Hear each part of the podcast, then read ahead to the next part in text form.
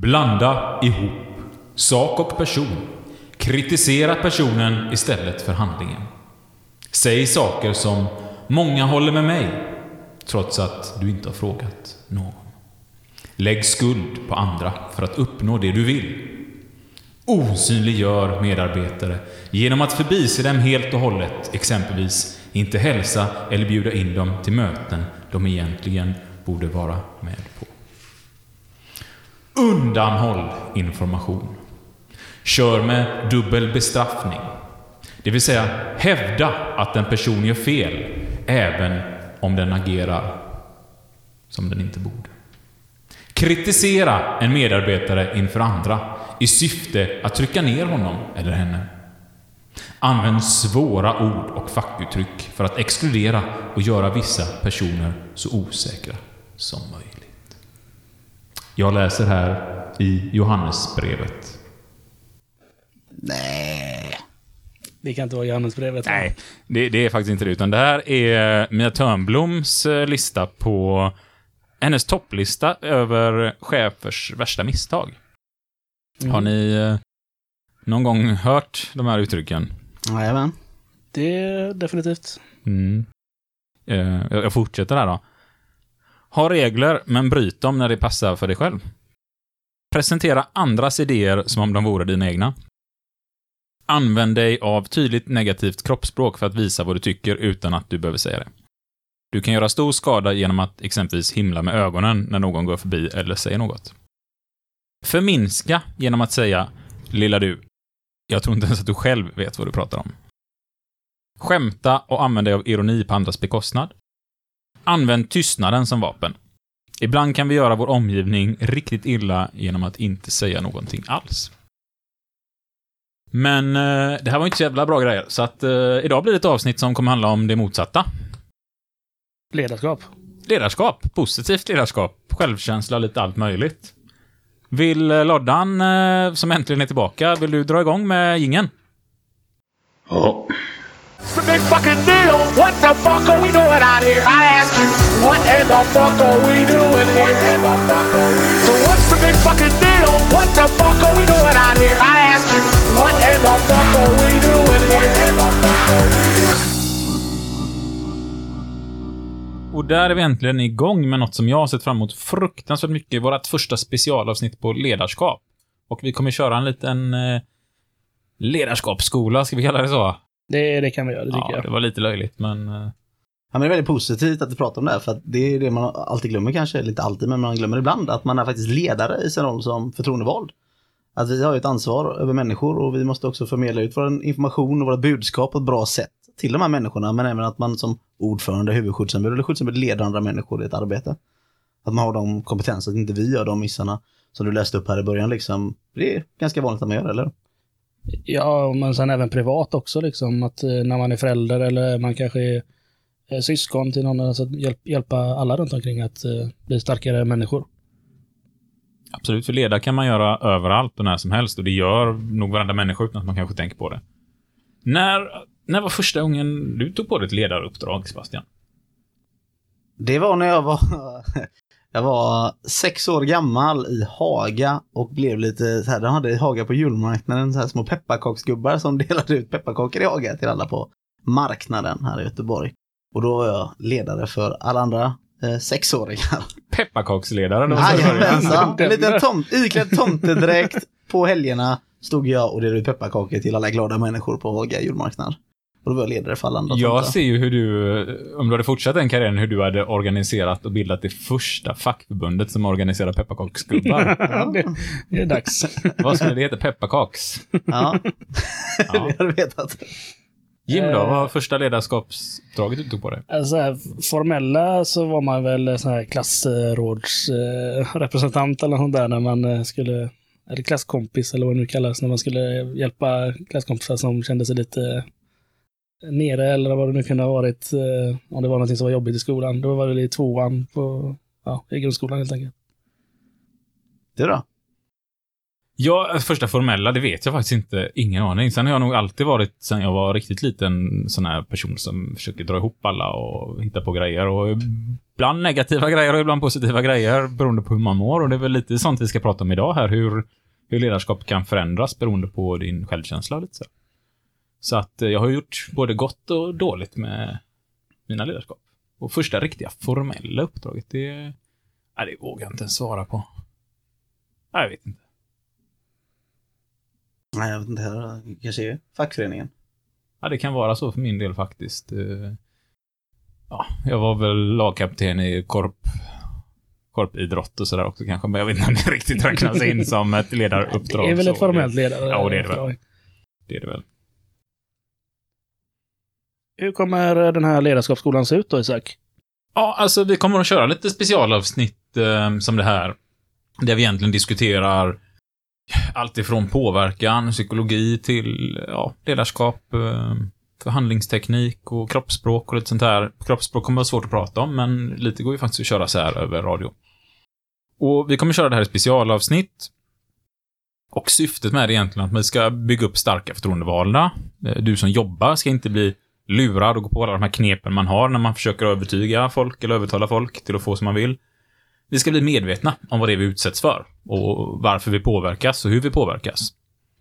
Det kommer vara en del grejer som vissa kommer tycka att det var märkligt att man väljer att prata om det här, men i slutändan kommer allt det här kopplas ihop på ett väldigt, väldigt stort sätt och det är väl det som är det svåra tycker jag när man gör en retorikutbildning som jag håller en del eller kroppsspråkskurs och sådär att folk förväntar sig att man på två, tre dagar ska lära sig att tala på ett bra sätt och för att göra det så är det så mycket psykologi man måste kunna. För att förstå varför påverkar det, hur påverkar det, när ska jag använda vad och vid vilket tillfälle ska jag använda vilken typ av retorik. Så att min tanke är att eh, jag- jag har punktat upp lite sådana här former som vi kommer gå igenom och vi ska lära oss eh, dels jobba lite med öppna frågor för att sätta klimat, prata lite ledarskap, eh, vilka tycker vi är bra ledare och sådär. Gå igenom lite hur man kan tänka sig kring sina styrkor och brister. Vi kommer nog att komma in lite på hur man sätter upp relativa eh, bra mål som faktiskt är uppnåbara, som man kan jobba med för sin egen utvecklings skull. Vi kommer prata självkänsla, självförtroende självbild och det är det vi har tänkt vi ska göra idag och lägga tid på, för det tycker jag är det absolut viktigaste som finns för att man ska bli en bra ledare. Vi kommer prata personlighetstyper utifrån Carl Gustav Jungs grundteorier lite, och det har ju kommit en del i media. Vi har ju bland annat den här boken eh, Omgiven av idioter som släpptes som är en eh, variant på Carl Gustav Jungs teorier. Eh, extremt förenklad, där man kanske utnämner mycket. Och det vi egentligen ska diskutera är grundteorierna från Carl Gustav Jung och vad var det egentligen han syftar på. Vi kommer att prata Abraham Maslows behovstrappa, eh, FIRO-modellen från Will Schutz, eh, konflikthantering, Marshall Rosenbergs Nonviolent Communication, eller giraffspråket som det heter på svenska. Jag tänker att vi ska gå in och prata om kognitiv utveckling, moralbedömning, eh, sokratiska samtalsmodeller. Eh, jag tycker vi ska gå in och titta en hel del på Daniel Kahneman, Nobelpristagaren, och det han har skrivit kopplat till ekonomi och psykologi. Lydnadskultur, ansvarskultur, påverkan, manipulation, övertalande, övertygande, retorikens grunder, dramaturgiska kurvan, kroppsspråk och ja, vi, vi kommer komma in på en jäkla massa grejer helt enkelt. Ja, det är väldigt mycket saker, men det är inte bara i dagens avsnitt, Inte eller hur? allt idag. Nej, det, det kommer vara under göra det. tid, eller hur? Jag har gjort så här att jag, jag håller ju en utbildning som är eh, två veckor lång. Mm. Mycket av det materialet kommer vi köra under den här kursen, eller under den här podden, men utspritt över ett gäng avsnitt. Så att, eh, ja, vi kommer nog ta ett tag och gå igenom det här. Det är Så många man kan timmar. vänta sig 80 timmar här nu då. eh, Ja, eh, sen är det mycket man sitter och skriver själv i min utbildning och Ja, sådär, det är så att vi kanske kan få ner det till 65 timmar. Toppen. Vi har lite material här att gå igenom. Mm. Det kommer inte kännas så långt utdraget. Det kommer vara ganska kul att lyssna på, jag är helt övertygad om, för att när man får möjligheten att hålla en sån här kurs så är det det absolut roligaste som finns, tycker jag, för att jag brinner så mycket för ämnet. Och eh, det finns, det finns inte en enda kurs man håller man får så himla rolig feedback och konstruktiv kritik efteråt, att alla är så i princip alla tycker att det här är så roligt och intressant och folk som trodde att de inte var det minsta intresserade av psykologi blir helt plötsligt eh, jätteintresserade av psykologi och vill börja läsa. Så att, eh, ja, vi, vi börjar väl Ja. någonstans och så ser vi var vi hamnar idag och så, ja, kommer det mer i framtiden. Gött, då kör vi igång. Ja. Men jag tänkte, jag tänkte börja ställa frågan till er två här nu, Sebastian och Jim. Finns det någon ledare som inspirerar er som ni tycker är så här intressant att följa och se på? Alltså någon som kanske inte är en bra ledare men väldigt intressant att följa just nu är ju Trump. Mm. Och i varje skämt brukar det ligga lite sanning. Men det var inget skämt. Nej, det är fantastiskt men- vad han hittar på hela tiden. Framför alla världens kameror, gång på gång på gång. Ja. Kanske inte ledare den eh, bemärkelsen som vi pratar positiv ledare då, utan Nej. mer, eh, ja. Nej, Och, och jag tycker faktiskt, alltså, när man föreläser om kroppsspråk, så att Donald Trump, att han blev president i USA, det är bland det bästa som har hänt för den som föreläser om kroppsspråk. Det finns så mycket härskartekniker filmat på, som man kan använda i sin utbildning nu för att visa hur du kan använda din kropp för att härska över människor och trycka ner andra. Så att, det är ju kul. Det är ju därför det är kul att kolla på honom. Jag Ja. tycker inte att han är fantastisk på något sätt. Han är Nej. ju raka motsatsen. Jim då? Mm. Nej, jag ville ju väl säga någon fotbollstränare eller någonting typ, men jag kan inte säga Kanske det. Jörgen Klopp då? Ja, Vi kan ju säga han tillsammans, du och jag. ja vi, vi kan väl göra det då. Nej, men jag, för jag, nu styrde jag in lite på Jörgen Mm. Klopp. Det var manipulation. som Oj, vi- oj, nej, oj. det var väl övertydligt där kanske. Eh, nej, men Jörgen Klopp tycker jag är intressant och även Pia Sundhage, tycker jag. För det är ju två individer som jobbar otroligt mycket med självkänsla när de tränar fotbollsspelare. Och eh, för er som inte vet vilka Jörgen Klopp och Pia Sundhage är, så är det väl eh, två av världens mest framgångsrika fotbollstränare, skulle man kunna säga. Mm. Och eh, det som är så specifikt med de här är att eh, de har jobbat väldigt mycket med begreppet självkänsla hos sina spelare att eh, stärka gruppen och få ut det bästa ur varje individ. För att för mig är det ledarskap handlar om. Ledarskap handlar inte om att vara någon fantastisk person själv, utan det handlar om att få ut det bästa man bara kan ur alla runt omkring sig och lyfta fram folks goda egenskaper. Och jag tycker det är så kul när man hör Jörgen Klopp prata om hur de har lyckats, att han har omgett sig med fantastiska människor, pratar mycket om att han pratar om att ingen kan vara expert på, ett om, på alla områden, utan det man gör är att man får omge sig med människor som har kompetens inom vissa områden och så får man arbeta med de här människorna lita på dem och släppa fram de här människorna och stärka dem och ge dem utrymme så att de kan göra detta. Och på det sättet så lyckas Liverpool prestera väldigt bra i år fram till eh, ligan bara sa stopp här. Stängde ner det, ja. Ja. Precis. Så att eh, det kanske inte var så klokt att bli Liverpool-fan nu ändå, Sebastian, som du sa här för ett par avsnitt sedan. Jajamensan. Men- Du kanske byter lag här om eh, nästa år. De har i alla fall vunnit Champions League förra året, kan man säga. Men Jörgen Klopp är ju, det är en person som jag håller på. Så att jag håller ju lite på Liverpool nu på grund av Jörgen Klopp, kan jag säga. Eh, Och jag tänkte faktiskt vi ska titta lite på det här, för samma sak med Pia Sundhage, hur hon har stärkt hela landslaget, eller när hon var tränare för svenska landslaget. Eh, Hon stärkte ju hela gänget genom att tala om att du kan vara en bra fotbollsspelare men göra en dålig match. Mm. Och du kan göra misstag och det betyder inte att du är en dålig fotbollsspelare. Det betyder att du gjorde ett misstag. Och på så sätt höja moralen i ett lag. Och det kan man ju se på de här lagen. De har lyckats vända tuffa matcher. Eh, de kan gå ut och prestera dåligt. Ett litet coachsamtal och sen är de igång och överpresterar och är helt fantastiska igen. Bara sådär. Medan andra lag som får en motgång, de börjar bara prestera sämre och sämre och sämre. Och jag tycker att ett perfekt tecken om vi nu är inne på fotboll, det är ju Mourinho. Som bara tycks skälla och gapa och skrika på sina spelare och säga att de är värdelösa och kassa när de inte presterar. Och han har inget bra material så fort laget inte presterar, det är alla andra det är fel på. Eh, Och de här två skillnaderna, att när Mourinhos lag väl presterar bra, då presterar de bra. Men så fort det kommer motgångar så, så fastnar ofta Mourinho i de här motgångarna. Medan Jürgen Klopp tycks kunna vända vad som helst. Och det gjorde han även i Borussia Dortmund, som eh, är ett lag jag håller på. Nu ser Jim lite sådär, arg alltså, jag tycker nej, jag framöver Liverpool lite för mycket. Nej, men framförallt alltså Mourinho har ju liksom fått Porto vinna Champions League och inte när de kanske inte var som När starkast. det går väldigt bra, så går det väldigt bra.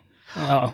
Men nu får vi akta oss lite här så vi inte blir fotbollspodden här. Ja, och det det är finns, det finns även sant. andra tränare och andra lag, Det är givetvis. klart. Eh, Vi släpper fotbollen här för ett tag sedan, men det är två intressanta ledare, tycker jag. Och jag tänker att vi ska, vi ska prata lite om det. Så vad är det som har fått eh, Pia Sundhage och eh, Jörgen Klopp att stärka sina lag så här? Och, och då ska vi börja diskutera någonting som heter självkänsla. Då är vi igång här med eh, självkänsla, självförtroende och självbild. Och de här tre begreppen tänker jag att vi ska reda ut lite nu vad det är för någonting och hur det påverkar oss människor. För det här känns som en vanlig sån här missuppfattad grej som folk inte riktigt förstår där. Ja, det är lätt att blanda dem i alla fall. Ja, det är otroligt lätt och jag- jag ska helt ärligt säga så här att när jag håller de här kurserna, och då är det ändå för människor som har gått rätt många ledarskapsutbildningar innan, så brukar jag ställa frågan Kan ni förklara vad självförtroende är? Och det kan alla alltid göra. Och sen ställer jag frågan, hur många här inne kan förklara vad självkänsla är? Och det brukar vara en eller två av 30 pers som räcker upp handen och tycker att jo, men jag kan nog lite halvdant beskriva vad det är i alla fall. Resten har ingen större aning om egentligen vad det är. Ehm, man märker många att de låtsas förstå vad det är, men ingen skulle vara beredd på att våga förklara vad det är. Och det är inte konstigt, för det här är ingenting vi direkt pratar pratar om i Sverige. Alltså det tillhör inte riktigt den svenska kulturen, eller egentligen den eh, västerländska kulturen alls, att pratas mycket om självkänsla och hur man känner inför sig själv och sådär. Alltså det är lite vanligare inom buddhismen exempelvis, att man fokuserar mer på de här begreppen, men här, framförallt i Norden, så gör vi inte detta och eh, vi ska reda ut vad detta är. Självbild däremot, brukar en del veta vad det är och det är ju egentligen inte så jättemycket det betyder det här nu, utan vi kommer att verkligen fördjupa oss i det här med självkänsla nu. Men för att göra det enkelt, självförtroende. Det kan man säga att det är tilltron till den egna personlighetens förmåga att prestera. Alltså, jag tror mig veta att jag kan få saker gjorda och jag kan uppfylla mina mål. Alltså, jag tror på det jag är kapabel till att göra. Och där har vi ett praktexempel som innebär Donald Trump. Alltså, det är, det är- det är ju så mycket självförtroende bara det går. Va? Zlatan Ibrahimovic är väl också ett sånt namn, va? Mm, definitivt. Släng bara in 11 Zlatan på planen så vinner vi fotbolls-EM. Och det kan vara så att han säger det lite med glimten i ögat. Men, men det, det är ju självförtroende där, att man tror väldigt starkt på att man klarar av att göra allt möjligt. Där har vi två sådana tydliga. Det kommer bli ganska mycket sportreferenser idag ändå, tror det är jag. väldigt lätt att eh, se prestation i sportreferenser. Ja, så det är det, ju finns det. ju orsak till det. Liksom. Och de blir ständigt intervjuade på sina prestationer. Det blir ju kanske inte alltid en konstnär eller en skådespelare på samma sätt. Så att det, det finns lite mer... eh, Ofta har folk lite mer större insyn i de här personerna. När det kommer till de här bitarna. Självkänslan däremot, då, som vi ska fördjupa oss i idag. Det är medvetenheten om den egna personens värde. Alltså att jag känner mig värdefull. Det känns bra att vara jag. Alltså egentligen vad man känner inför sig själv. Och den här är svårare att liksom ta fram. Ja, men vilken känd person har vi på det här då? För det är inte så ofta man får frågor kring det i media och sådär. Och även fast jag själv, alltså även fast jag är ute och föreläser om det här, så jag brukar ha svårt att ta fram exempel. Men Dalai Lama är ju en sån individ som eh, jag tycker förmedlar rätt mycket självkänsla. Kan ni komma på någon annan så... Nej, jag Nej, är kan inte fråga det, ni inte ens varit förberedda på det. Ja. Självbilden då, det här sista begreppet, det är den här bilden man har på sig själv och hur man förhåller sig till sin omvärld. Exempelvis, jag är en god och glad omtyckt person som älskar alla runt omkring mig och jag tror även att det, de uppfattar mig så. Eh, Och där kan man ju se personer som har en eh, självbild som inte riktigt stämmer överens med bilden andra har på dem. Donald Trump är väldigt perfekt sånt, där han påstår sig vara bäst i världen på allting och här i Norden så skrattar de flesta åt Ja, honom. det är intressant. Eh, Men han har ett stort följe som verkligen tror att det är så. De här tre begreppen, självkänsla, mitt värde enligt mig själv, självförtroende, tron på vad jag kan åstadkomma, och självbilden, min bild av mig själv. Och jag tänker nu för att vi ska verkligen förstå vad det här ordet självkänsla betyder, så ska vi börja gå igenom tecken på dålig självkänsla och hur det kan, eh, ja, egentligen visa sig för omgivningen. Och eh, när man kör det här så är det väldigt många som sitter och lyssnar på detta och eh, helt enkelt känner att oj, vad det här stämmer överens med mig själv. Och det kommer det göra och det är jättevanligt för att de allra flesta av oss har ingen bra självkänsla för det är ingenting vi jobbar och tränar på. Och självkänsla är som med allt annat i samhället. Tränar man på det blir det bättre. Och eh, ja, Mia Törnblom tycker jag är en fantastisk föreläsare på det här ämnet och det som hon brukar säga att det är ju som kondition. Att tränar du kondition så får du bra kondition. Tränar du inte upp din kondition så får du inte bra kondition. Likadant är det med självkänslan. Så det är inget man alls behöver känna vad dålig jag är eller sådär, utan eh, tvärtom. Så ta det som ett, ja, jag behöver träna självkänsla. Och även om man har bra självkänsla så kommer man känna igen sig i vissa av de här grejerna till och från. Eh, och ni får gärna bryta in här nu, så inte jag sitter och babblar. Eh, det är svårt för dig som lyssnar att bryta in här, men eh, Sebastian och Jim, ni kan väl försöka bryta in så att det här blir så levande som möjligt. För det här blir ett lite nytt koncept vi testar och köra det här i en podd. För just ledarskap och så här, det är ju någonting man vill kunna diskutera med den som lyssnar. Man verkligen når ut på ett bra pedagogiskt sätt. Ja, vi ska försöka bryta in så mycket vi kan i alla fall. Gör det, vad härligt, vad härligt. Men vi börjar då med det första tecknet som jag har skrivit upp här på dålig självkänsla. Och det är det här att man kan inte bekräfta sig själv och det gör att man söker bekräftelse från andra. Självkänslan, det är det som får oss att kunna bekräfta sig oss själva att ja, men jag duger som jag är, eller jag är bra, eller jag är härlig. Och kan jag inte det, då kan det te sig att man eh, ofta vill man inte synas alls. Eller så tvärtom, så har man ett behov av att höras och synas vart man än är och vad man än gör, att man alltid vill vara i centrum. Och då är det starkt kopplat till självförtroendet. Att har man dålig självkänsla och dåligt självförtroende, då tycker man inte särskilt mycket om sig själv och man tror inte heller mycket om sig själv att man kommer klara av så mycket. Och då vill man gärna inte att någon ska se hur dålig man är, så att då vill man gärna försvinna. Hamna i ett hörn. Eh, när jag håller kurser så brukar jag ställa mig ett hörn någonstans och börja föreläsa, gärna bakom en sån här powerpoint, eller powerpoint-duk, en sån här eh, Projektorduk. projektorduk, ja. För att visa liksom att då, då är det viktigare att liksom visa informationen på tavlan än att man själv står och pratar, för man vill gärna försvinna. Men det kan också te sig tvärtom här, om vi tar Zlatan här igen då, som eh, har en väldigt bra självförtroende. Som verkligen tror att han kan allt. Men eh, man kan inte riktigt bekräfta sig själv för utan då vill man ju söka den här bekräftelsen från alla andra runt omkring sig. Så att då, då vill man ju gärna synas och höra hela tiden och tala om för alla. Titta, det var jag som gjorde detta. Titta vad bra jag gjorde detta. Titta vad rolig jag är. Titta vad jag hör. Titta vad jag kan sjunga. Titta vad jag kan spela gitarr. Titta vad jag kan göra det här. Och de här människorna brukar vara ganska jobbiga att ha runt omkring sig. Ja, men då går vi in. Ja. Men jag har definitivt varit en sån människa. Som skulle synas och höras och alltid skulle skämta i skolan och... Men jag, tänk, jag tänker alltid på det här klippet på Trump faktiskt, när vi återkommer till den här fantastiska människan, när man Mm. pratar med sådana här grejer. När han, eh, när de går längs en korridor och han tränger sig före alla andra för att han ska gå längst fram i ledet. Ja, Han har ju ett tecken på att han känner verkligen att han vill synas i det här fallet. absolut. Och där är man ju även inne på lite såna här grejer med kroppsspråk och sådär, att man vill signalera att man är en stark ledare och sådär. Men eh, i hans fall så är det ju så här varje gång att han aldrig kan vara nummer två. Så att det jag tycker det är alldeles uppenbart att han med största sannolikhet, men det kan man inte veta, så har han en väldigt låg självkänsla. Jag tror, jag tror efter vi har gått igenom alla de här punkterna så kommer vi få ett litet eh, mail från amerikanska ambassaden. Mm. Är det här sista avsnittet i podden så sitter vi väl så på... vet ni varför. Ja.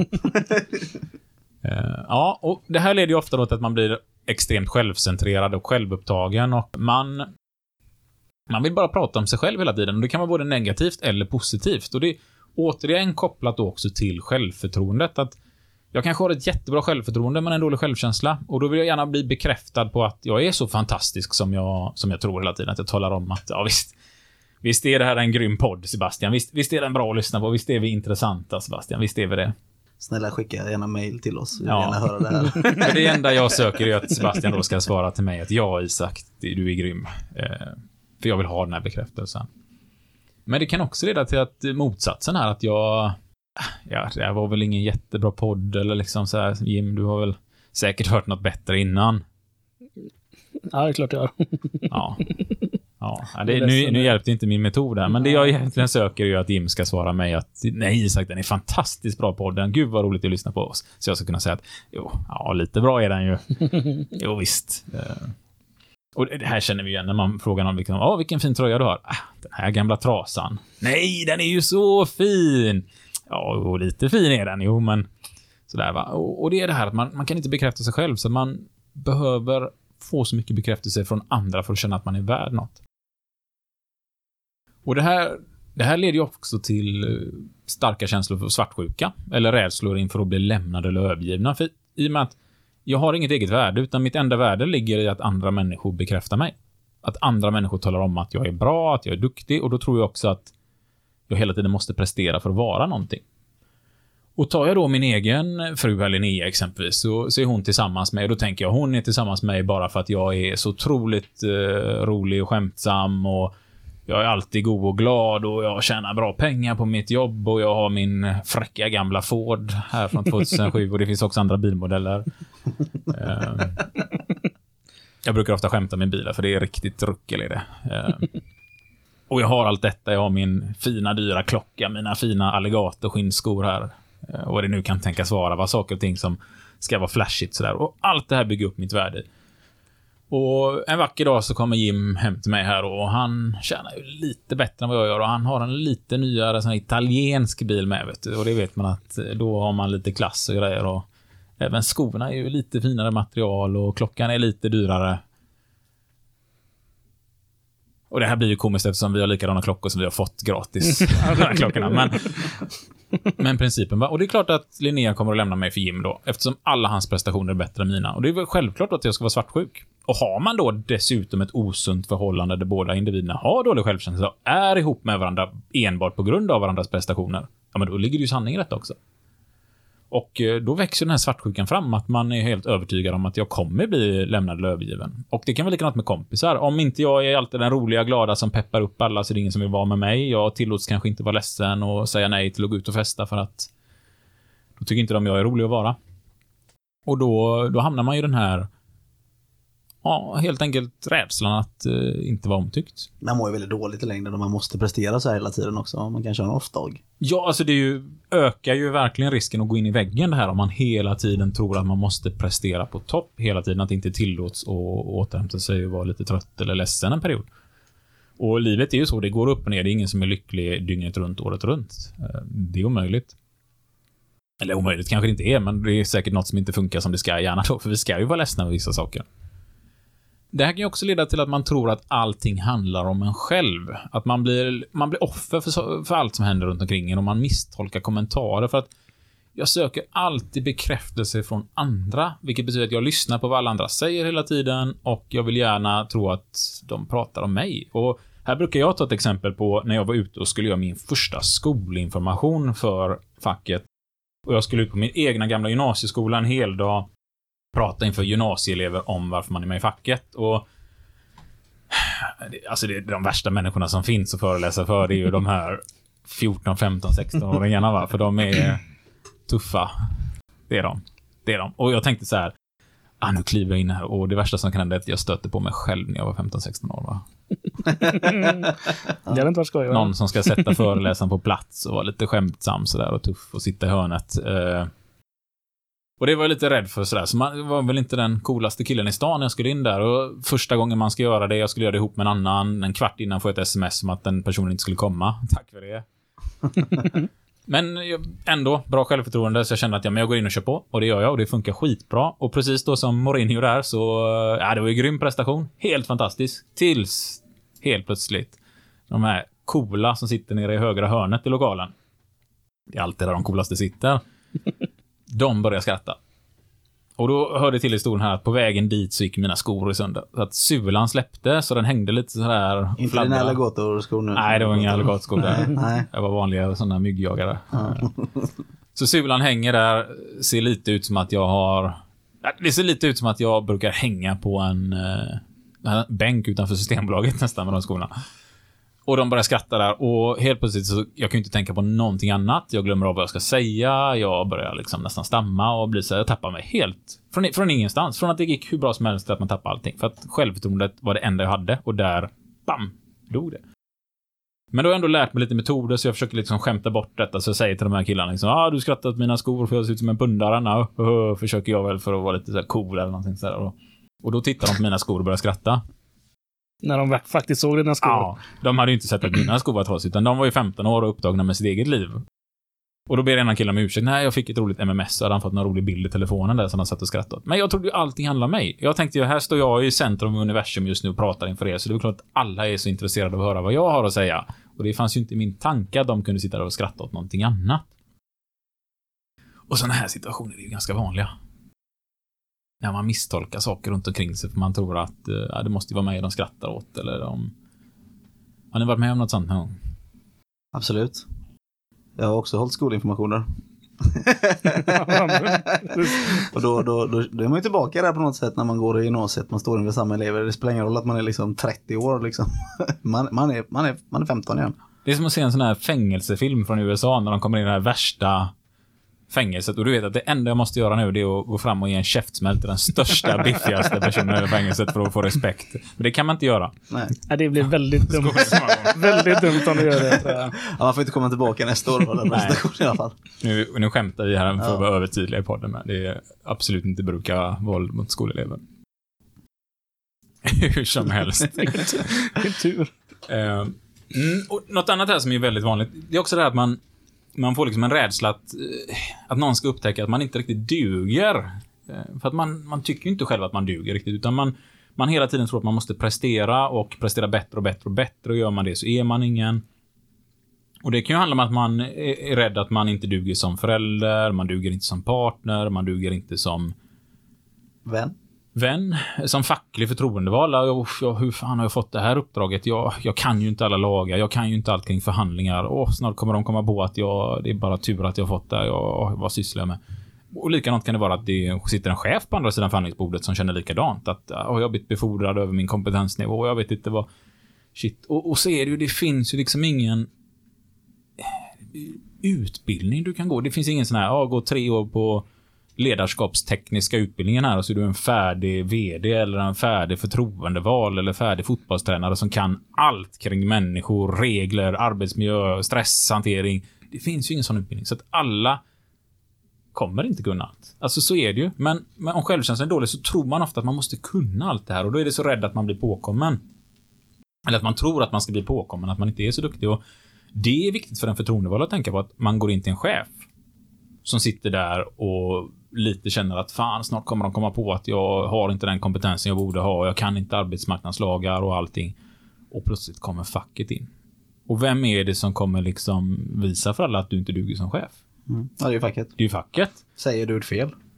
De kommer in. Förhandling, ja men precis. Och jag menar, då är det inte konstigt att man blir rädd för facket när facket kommer in. Och det, det som händer när vi blir rädda, det är att vi går in i det här läget fight or flight. Vi vill gå till attack mot dem. Eller så vill vi fly. Och går vi till attack då, ja men då är det ju att hoppa på den här fackliga som kommer in själv på, han gapar på den.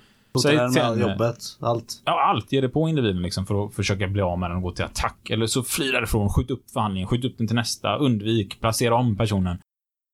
Och det är jättevanligt så att det är Det någonting... det kan ju vara andra grejer också. Om man kommer in med en idé som chefen inte egentligen har kompetensen nog att genomföra. Ja, ja, man visst. börjar skälla på det. Det här är den dummaste jag någonsin har hört talas om. Hur, det här kan du, tänker du inte innan du kommer in med sådana idéer? Och du skämmas. Ja, eller att chefen är rädd att oj, kommer du på bättre idéer än vad jag kommer på som egentligen har det här jobbet och ska komma på idéerna. Och det här behöver vi som fackliga verkligen ha med oss när vi går in vid förhandlingsbordet, att vi tänker på att chansen är ganska stor att vi kommer gå in till en chef med dålig självkänsla. För att, att bli chef Eh, större... Alltså en större, vad ska vi säga, risk eller chans eller möjlighet att man drar sig till det om man har en låg självkänsla, för då blir en titel väldigt viktig för en som person för att kunna tala om att jag är minsann någon, jag är chef. Så att det är ju vanligt att människor med låg självkänsla söker sig till att vilja få de här titlarna för att visa att jag är minsann någonting mer än de andra. Eh, så att en titel blir väldigt viktig för dem. Och då är det stor chans att vi kommer att sitta med en person som har låg självkänsla och är rädd när vi kommer in. Så att det kan vara väldigt bra med sig som facklig. Det kan vara därför de är aggressiva mot det. Vad vad kan vi mer säga? Alltså de här rädslorna då som man får, eh, de kommer ju hålla en tillbaka. För man blir ju så rädd att göra fel. För att gör man fel så betyder det att man är dålig. Om självkänslan är låg. Och det kommer göra att man vågar inte testa något nytt. Jag kommer ihåg när jag skulle börja lära mig spela gitarr första gången tänkte jag så här. Det var ändå... Eh, vad kan jag ha varit? 19, 18, 19 år. Eh, och, och låna gitarr liksom. Och det, jag satte på YouTube och så såg jag någon sån liten nordkoreansk flicka på tre år spela liksom Mozart och Beethoven på gitarr. Så tänkte jag, det här ska la gå. ja, tjena. Eh, jag kunde inte ta ett A-ackord och för de som spelar gitarr så vet de att det är ganska lätt. Man håller tre fingrar ihop och så drar man med andra handen och så ska det komma ett A-ackord. Men det gick ju inte. Det var så svårt att forma fingrarna och vänsterhanden hade jag ju aldrig använt till något i hela mitt liv. Och... Ja, det gick ju inte. Och jag blev så arg för man kände sig så dålig och värdelös. Och så tänkte man, jag är kass för en treårig liten flicka är bättre än mig och fan. Och, och vad hände då? Ja, men jag blev rädd för det, för jag vill inte bevisa för mig själv att jag är dålig. Och så det jag gjorde var, nej, jag skiter i att lära mig spela gitarr. Mm. Men nu spelar du gitarr. Nu spelar jag gitarr, äh, det kanske man inte ska säga så, men jag kan spela lite gitarr i alla Är fall. du lite rädd för påkommen att du inte duger som gitarrspelare? Nej, det är mer att jag har en större respekt för de som kan spela gitarr på riktigt. Men jag kan spela lite trudelutt och sjunga lite till och sådär. Det händer ju att jag gör det. Och det är ju som så att eh, åren gick och jag började träna min självkänsla, fick en otroligt mycket bättre självkänsla och så satt jag på en midsommar och så var det en eh, väldigt nära vän till min eh, fru som efter ett par glas in på midsommar sa att nu fan ska du lära dig spela gitarr. Liksom. Ja, jag ger väl en chans. Eh, och dagen efter så tänkte jag, men nu kör vi på här. Och då var väl folk lite bakis där och gick upp och skulle börja spela och fick lite hjälp den en stund. Men eh, efter ett tag så orkade inte den här vännen hjälpa till. Men då kom hans sjuåriga dotter och eh, satt och hjälpte mig att spela gitarr. Och eh, det är ju helt fantastiskt. Där satt jag och tog lektioner av en sjuårig dotter. Och istället för att tycka att jag var värdelös och kass, som kunde mindre än en sjuåring, så tyckte jag Wow, vad fantastiskt. Här kan jag som vuxen man lära mig spela gitarr av en sjuårig flicka. Det är ju helt fantastiskt vad olika grejer vi kan och vad vi kan lära ut till varandra. Och där har vi den här enorma skillnaden på ha en bra självkänsla och en eh, dålig självkänsla. Vilken skillnad det kan vara för vad man vågar ge sig in i. Och det här kan ju vara mycket större grejer. Börja en utbildning, gå vidare i karriären, ta på sig ett fackligt uppdrag. Våga fråga den här personen om vi ska gå på en dejt eh, utan att vara rädd för att ta ett nej därför att man, man kanske får ett nej och blir eh, känner sig så jävla dålig om man får ett nej. Så man vågar aldrig fråga. Mm. Och det är egentligen bara ett nej man kan få. Men när folk säger det, det är egentligen det, det värsta du kan få ett nej. Ja, ett, ett nej kan vara ganska allvarligt för dig med låg självkänsla. För ett nej kan betyda att du är värdelös, du är kass, du är inte värd ett skit. Medan för en person med väldigt bra självkänsla så är ett nej ett ord som betyder nej. Mm. Och så vet man, "Ah, ja, men det fanns inget intresse där. Det var ju tråkigt, men det finns andra fiskar i sjön, som man brukar säga. ja. Man kan också säga att med en låg självkänsla då, så vill man ju gärna känna sig bra. Och ett av de absolut bästa sätten att känna sig bra, det är ju att alla andra är sämre. Det är ju så jävla enkelt. Och det enda man behöver göra då, det är ju att prata ner andra. Prata skit om andra, tala om att de är dåliga, värdelösa, så är ju man ju själv bra. Mm. Det är ju en sån metod vi har sett Trump göra enormt mycket. Ja, ja, ja. Och det ser vi ju politiker från många håll, alltså bara står och pratar med dåliga alla andra. Och då helt plötsligt per automatik skulle de vara bra då, med den... Eh, det behöver ju inte alltid vara så. Det är ju verkligen inte... Sällan kanske snarare, eller? Ja, Ja. det skulle jag säga. Och så kan jag säga i början också, när jag började hålla fackliga utbildningar och sådär, så efter varje kurs man höll och man fick någon form av feedback som man inte riktigt tyckte var bra, så var det alltid den personen det var fel på, tyckte man. Mm. Nej, det var likadant. Ja, att man liksom, ja men... Hen hängde ju inte riktigt med. Det var inte konstigt att det, den skrevs och Den har utvärderades. ju inte förstått vad den här kursen egentligen handlar om. Nej, jag hade nog inte hjär- hjärtat på rätt ställe och lite sånt där. Alltså man försökte hitta undanflykter, så att, och då blir man ju aldrig bättre på någonting. Medan nu så tycker man ju, aha, en person uppfattade det på det här sättet. Okej, 29 av 30 uppfattade det så här jättepositivt, men en person uppfattade det faktiskt negativt. Undrar vad det berodde på. Och så kan man ta reda på vad var det, behöver jag förändra något? Eller är det helt enkelt så att, nej men det är, jag gör på rätt sätt och alla kan inte alltid tycka om det helt enkelt, punkt slut. Så det blir mycket lättare för oss att ta den här feedbacken. Och det gör ju också så att vi är bättre. Ja, och, och istället då för att prata ner sina, eller för att prata ner andras prestationer då. En vanlig sak mer här, det är att man gör, om man har låg självkänsla, att man gör saker för andra utan att man själv egentligen vill det. Och det här är ju alltså också jättevanligt bland ungdomar. Det är ju det är ju ingen ungdom som liksom går ut och tar första ciggen eller kastar en sten på en ruta första gången bara för att, ja, kul. Utan det beror ju ofta på en låg självkänsla att man ville passa in, eh, det tuffa gänget fanns där. Eh, att, att man dras in i det för att bli omtyckt. Ja, men om du bara gör detta för att hänga med oss, ta första ciggen. Och det är ju få som säger att Nej, jag började röka när jag var 34 år för att jag kände att tobak är en intressant uppfinning. Den vill jag ha i mina lungor. Alltså, det är ju sällsynt. Ja, jag vet ju en som bestämde sig för att börja röka när han var 65. Kände att nu har jag gått i pension och då har jag rätt att börja röka. Ja. Undantag Ja, finns. det är självklart Säkert finns det undantag, men det är en intressant tanke annars. Ja. jag vet inte varför man skulle bli bättre att börja röka när man är pensionär än någon annan gång i livet, men ja. Men, men det kommer också in det här med att vi har när ungdomarna skickar eh, nakenbilder på sig själva och så läcker de ut på nätet. Det är inte bara ungdomar som gör det. Det är säkert äldre personer också. Men som gör detta och säger alla, hur fan kan man vara så dum i huvudet? Man vet väl att... Men, men när självkänslan är låg och man inte har någon, man har inget och så plötsligt vill någon vara med men kravet är att man ska skicka en sån här nakenbild. Då, då ligger det nära till hands. Och då kanske risken att det ska läcka ut på nätet, den är, den är mindre än vad man tror att man kan vinna på det. Och det är inte konstigt, man kanske själv känner att det är fel, man vet att det kan läcka ut, det känns inte bra, ändå gör man det. Så att det här, det kan ju vara massa grejer. Och när vi pratar Maslows behovstrappa så kommer vi komma in jättemycket på det här, vad, hur detta kan påverka samhället när det kommer till kriminalitet, missbruk och allt som rör det till egentligen. En annan vanlig sån här känsla det är att man känner att eh, man är bra så länge ingen annan är bättre. Och eh, jag har flest mål i fotbollen tills Isak kommer och gör ännu fler mål. Ja, men precis. Och det här är ju svinvanligt att se unga fotbollstalanger, hockey, alltså det kan vara vad som helst, sport, musik, som är riktigt, riktigt bra, så länge de är bäst i sitt lag. Och sen får man ett kontrakt med någon toppklubb i Europa kommer dit och plötsligt går karriär- karriären spikrätt nerför, för då är man inte längre bäst i klubben och då vågar man inte riktigt ta för sig på samma sätt. Man vågar inte prestera och man, man tappar, för när man inte är bäst, då känner man sig inte som den här bästa och då presterar man inte bra helt enkelt längre. Och där kan man se att det kan hjälpa idrottsutövare otroligt mycket på att ha en bra självkänsla, för då kan man ändå utföra sin prestation. Men Jag är inte bäst i den här klubben, men jag tänker göra det bästa som jag kan. Mm. Utan att känna sig dålig över det. Jag tänker alltid på den intervjun med eh, Beatles med eh, Paul McCartney och John Lennon när de sitter och så frågar journalisten. Ja, är Ringo Starr den bästa eh, trummisen i världen? Och då svarar, jag tror det är John Lennon, eh, Ringo är inte ens den bästa trummisen i Beatles. Nej, precis. Den är så jävla rolig på något sätt. Ja.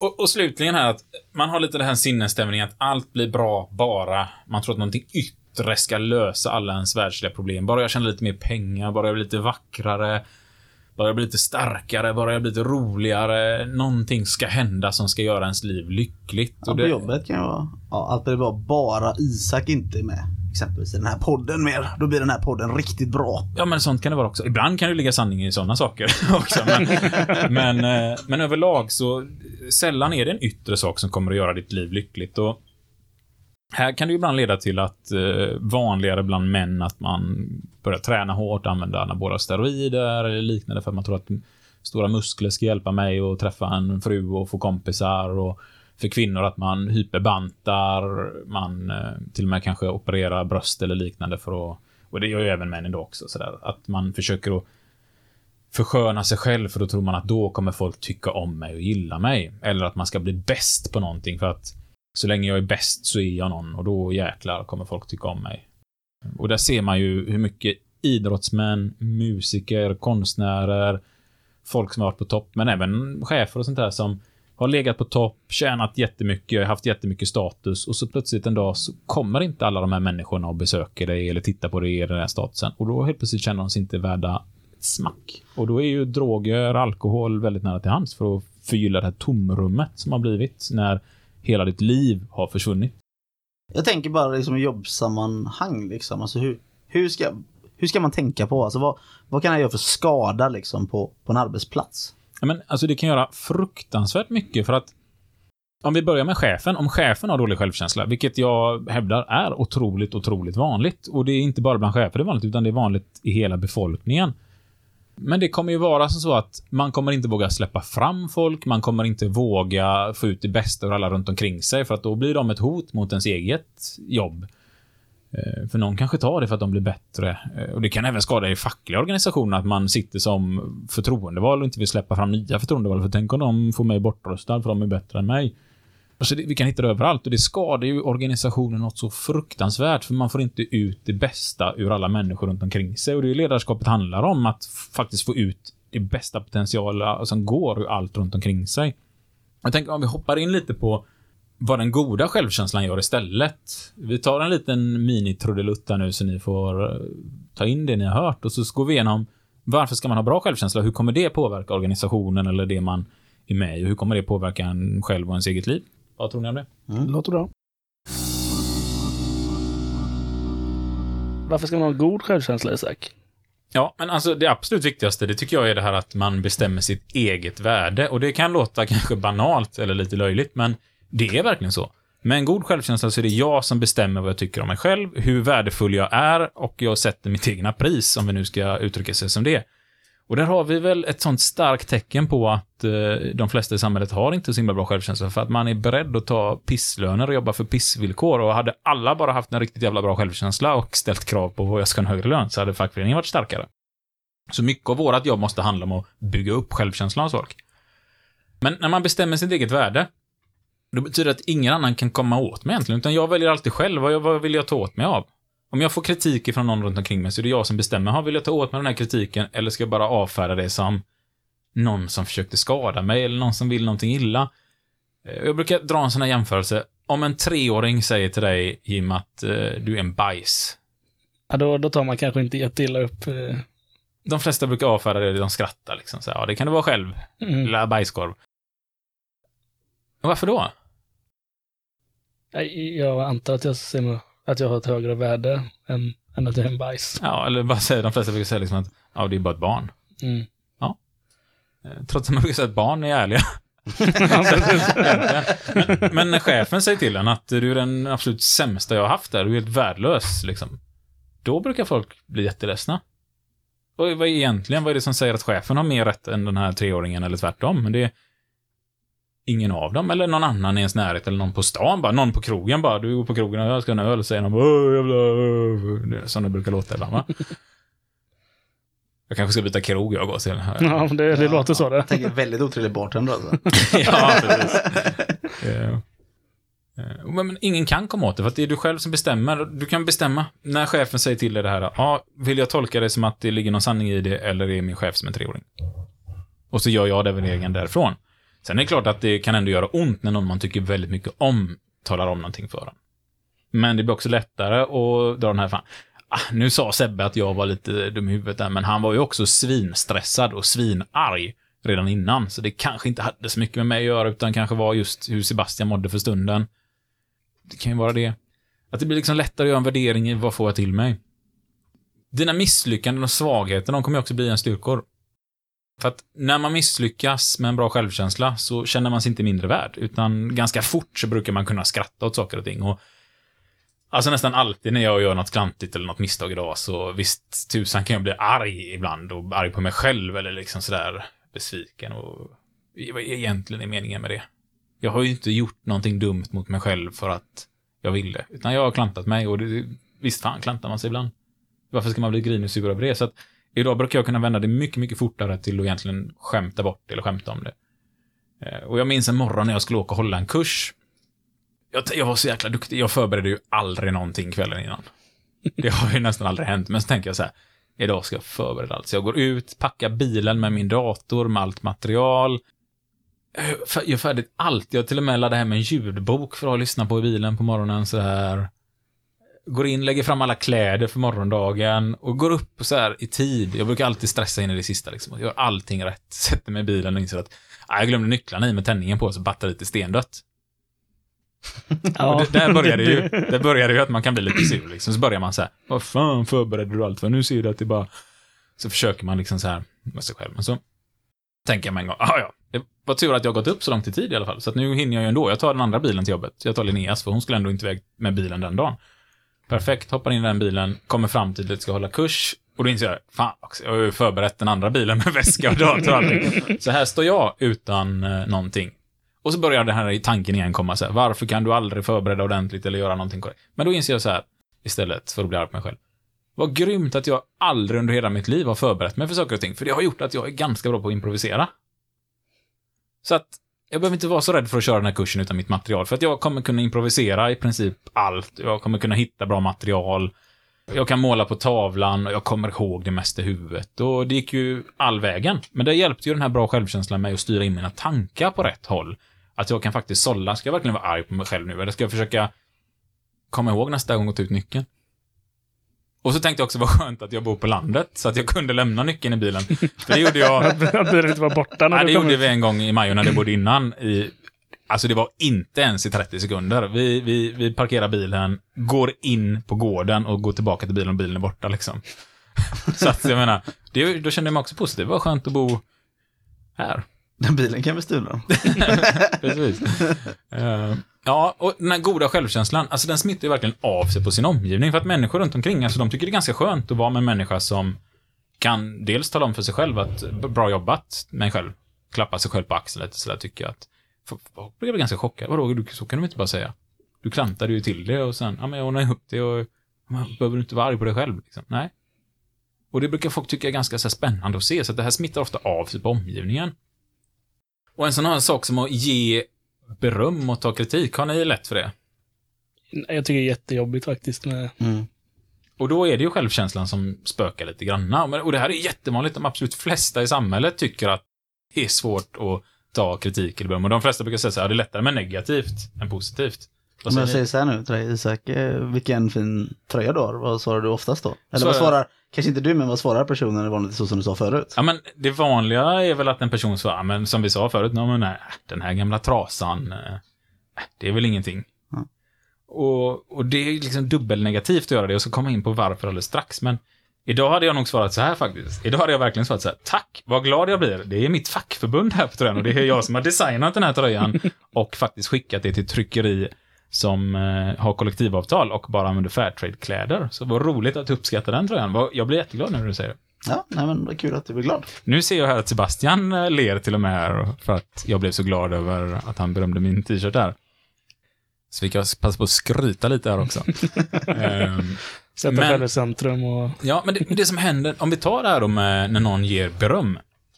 Alltså någon person har tänkt att nu vill jag göra Jim glad. Så jag vill säga någonting positivt till Jim och, och jag paketerar ihop mina känslor lite som en julklapp eller födelsedagspresent. Så paketerar jag mina känslor så här och så säger jag Åh, jag är så glad att se dig Jim, du är alltid så härlig. Och så ger jag den gåvan till dig. Och så svarar Jim så här, äsch.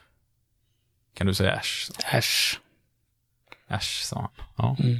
Hur känns det för mig som gav det här nu? Det känns som att jag har lämnat ett paket till Jim som han bara, äsch, han öppnade inte det, utan han bara slog undan det och nej.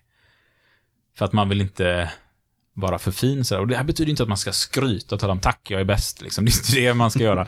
Men någon har gett er en gåva, något beröm, de vill dela med sig av glada känslor. Och det är klart att, säger vi då äsch, men folk kommer inte ge mer beröm. De kommer tycka att det är jättetråkigt att ge beröm, för att det är ju ingen, du vill ändå inte höra, du respekterar inte mina åsikter.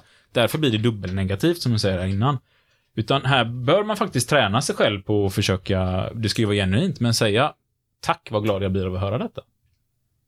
Och det kommer göra att personerna blir, åh vad kul det var att ge beröm till Jim, och kommer vilja ge Jim, Jim ännu mer beröm sen.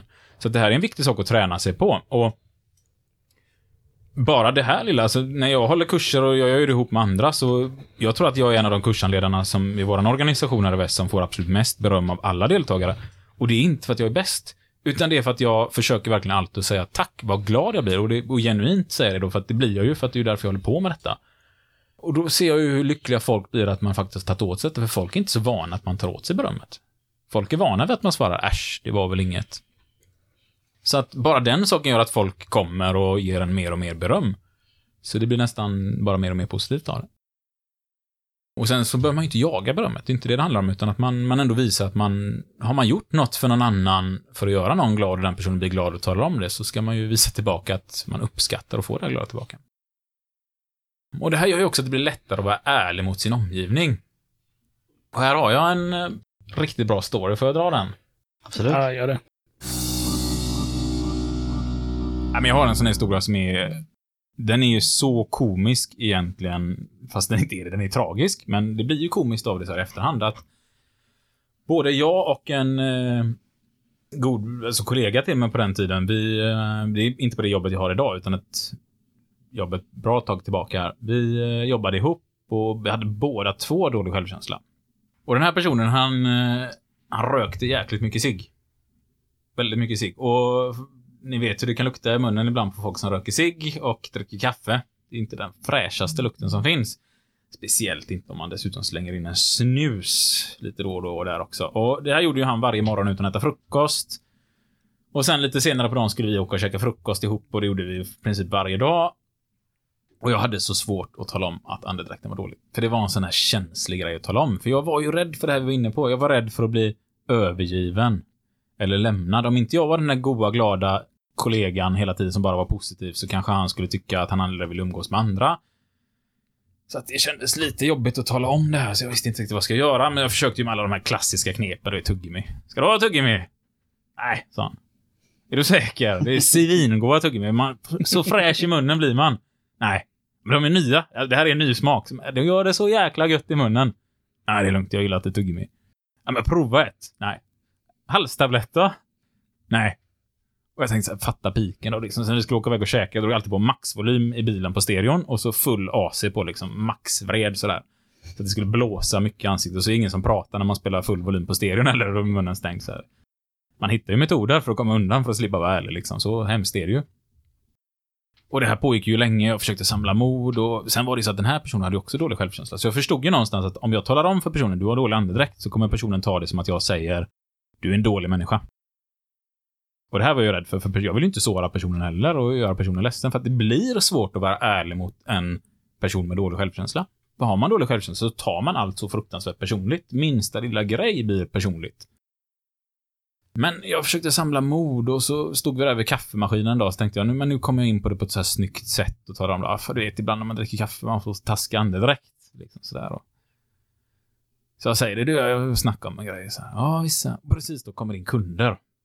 Så jag tänker, nu kan jag inte säga något, får vänta tills, vi, tills de har gått. Liksom så. så när kunderna har gått, förresten det jag ska prata om, och då går en annan kollega förbi som också har en fruktansvärt dålig andedräkt. Och den här personen luktar ju, såg man på honom. Ja, innan du ska säga vad du ska säga Isak. Kände du fan vad han Kurt luktade illa i munnen här? Fy fan vad äckligt han luktade i munnen. Och då tänkte jag säga så här. Ja, det är ju inte alltid så lätt att veta hur man luktar i munnen själv. Innan jag hinner säga det, så säger den här personen Åh fan, man är ju totalt jävla efterbliven och dum i huvudet om man inte fattar att man luktar illa i munnen och man har fan ingen rätt att leva, att man inte tar livet av sig man är så dum i huvudet. Och nu ser inte ni hur jag ser ut där va, men liksom min mun åkte, hakan åkte ju rätt ner i golvet. Jag stod och tittade som ett fån så här. Hur fan ska jag våga säga detta nu? Den här personen tog det så allvarligt, liksom att han tyckte att man inte har något människovärde om man har dålig andedräkt och inte känner till det. Och så ska jag säga till personen, så tror ni jag var ärlig och modig och sa det eller? Nej. Nej, jag sa det här nya kaffet är gott, eller vad tycker du? så tyckte han väl att jag var lite underlig där, men... Eh, ja, Jag kommer aldrig glömma när du berättade den här historien för mig. Och sen direkt efteråt säger du, vill du ha tuggummi eller? och, sen säger du... Så, sa- så sa du till mig, vill du, vill du ha tuggummi eller? Ja, Fatta piken Sebbe. ja, och då var det ingen pik, det var det inte. Eh, för idag så skulle jag absolut våga säga det till de i min omgivning. Eh, på ett bra sätt. För jag kan också prata på ett bättre sätt än vad jag själv kunde då kanske. Också, så här. Men, men det är ju sånt här, alltså det, jag tycker det här är en rolig historia för att det var så fruktansvärt löjligt. Två personer med dålig självkänsla som inte kunde vara ärliga mot varandra. Och hur, vilken grej det blev. Alltså det här pågick ju i typ två år. Inte kunna tala om en sån sak. Sen löste det sig. Så, så som ni alla förstår som lyssnar, så att en bra självkänsla hjälper ju verkligen till för att man ska våga vara ärlig mot sin omgivning. Och det gör också att det blir lättare att få andra att må bra och själv må bra. Man kan väl säga att alltså, bra självkänsla, det gör att det är ingenting som håller en tillbaka för att man vågar testa saker som vi var inne på här och det gör inget om man misslyckas för man är lika jäkla värdefull för det. Och framförallt så här leder det här till att man kan bekräfta sig själv och sina egna bedrifter för att framförallt i rollen som förtroendevald, som facklig, så är det hur många förhandlingar som helst där medlemmarna vill en sak, företaget vill en annan sak, ni går in, ni förbereder er i timmar, ni går in, förhandlar, ni strider för en sak, står på er, ni blir kallade det ena det andra, det är riktigt tufft klimat, ni vet inte om ni orkar med det mer. Till slut, till slut, till slut, efter kanske veckor av kämpande i en fråga, så får ni igenom någonting, men det blev inte riktigt så bra som ni hade tänkt er, och ni går ut till medlemmarna, och så får ni det här svaret. Jaha, blev det inte bättre än så? Den är väldigt jobbig Ja. på sån ja. Och företaget tycker, nu fan fick du alldeles för mycket, din jävla... uh, Sådär va. Alla är besvikna på en. Alla. Ändå har man gjort världens bästa jobb. Och har man då inte en bra självkänsla, då kommer man känna sig värdelös. Och det här kommer ta så jäkla hårt på psyket och man kommer gå in i väggen om det här pågår en längre tid.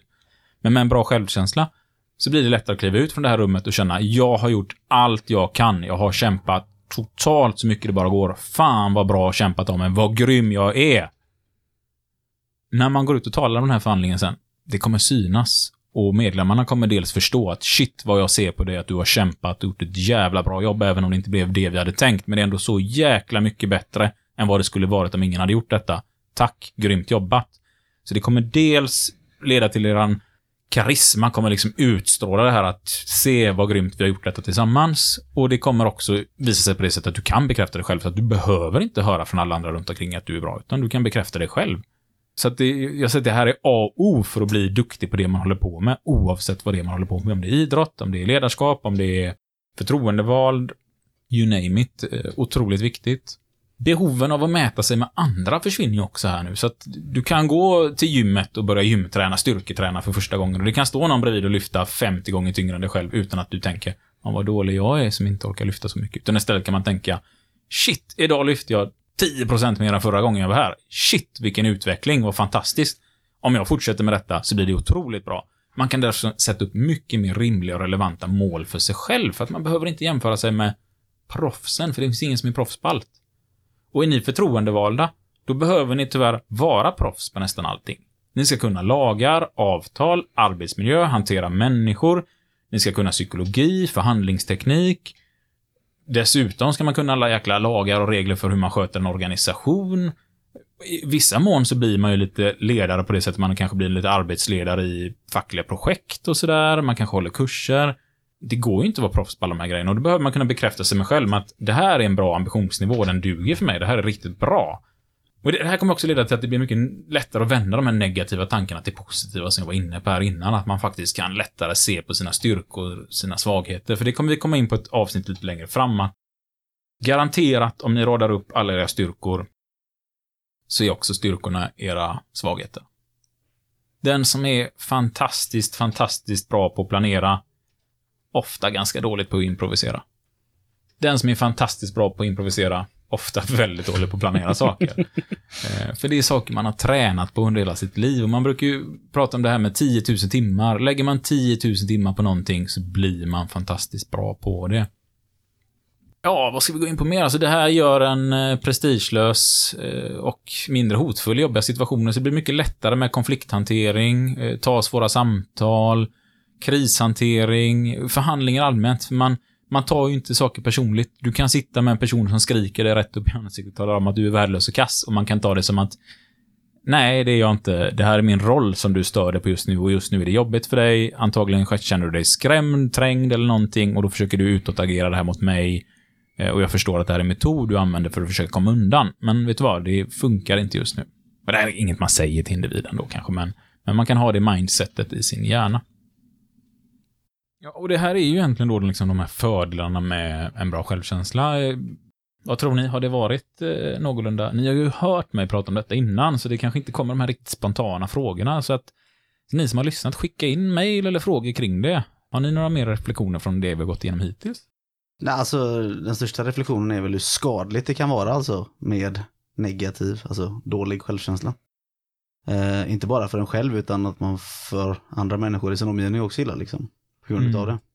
Jag tror Ernst Kirchsteiger faktiskt läste jag en intervju med i, jag undrar om det kan vara tidningen Chef eller något sånt där, någon form av sån tidning, så pratar han om sin tid som chef. Så, så Ernst Kirchsteiger kanske är en sån här självkänsleperson faktiskt, som, eh, som man ska ta upp som ett exempel på kända personer som verkar ha bra självkänsla, för då pratar han om sin roll som chef, och hur dålig chef han var. Mm. Och hur misslyckat det blev. Och han pratar om sig själv som att en dålig chef, det blir som ett virus som skadar människors liv och skadar människor, alltså familjer och allt möjligt. För att det drabbar så många i sin omgivning när folk mår dåligt på jobbet. Och han pratar om att han inte var bra på detta. Och det kanske var som så att han hade en låg självkänsla på den tiden han var chef. Eh, och det krävs ju ganska mycket självkänsla, tror jag, av en person att gå ut och tala om i media att jag var en dålig chef.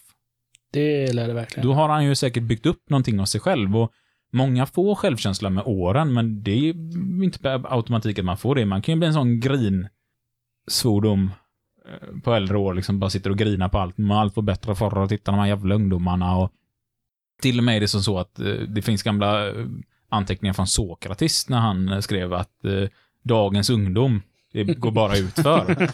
och någonstans vill jag väl ändå tro att det har blivit bättre på de sista tusen åren liksom. Alltså det här, du har ju pratat om vad som är bra och varför det är dåligt och så här. eh. Men då blir ju frågan hur man ska göra för att få en bra självkänsla istället. Ja, för självkänslan som vi pratade om i början, det är ju som kondition. Alltså tränar man mycket på självkänsla så får man bra självkänsla.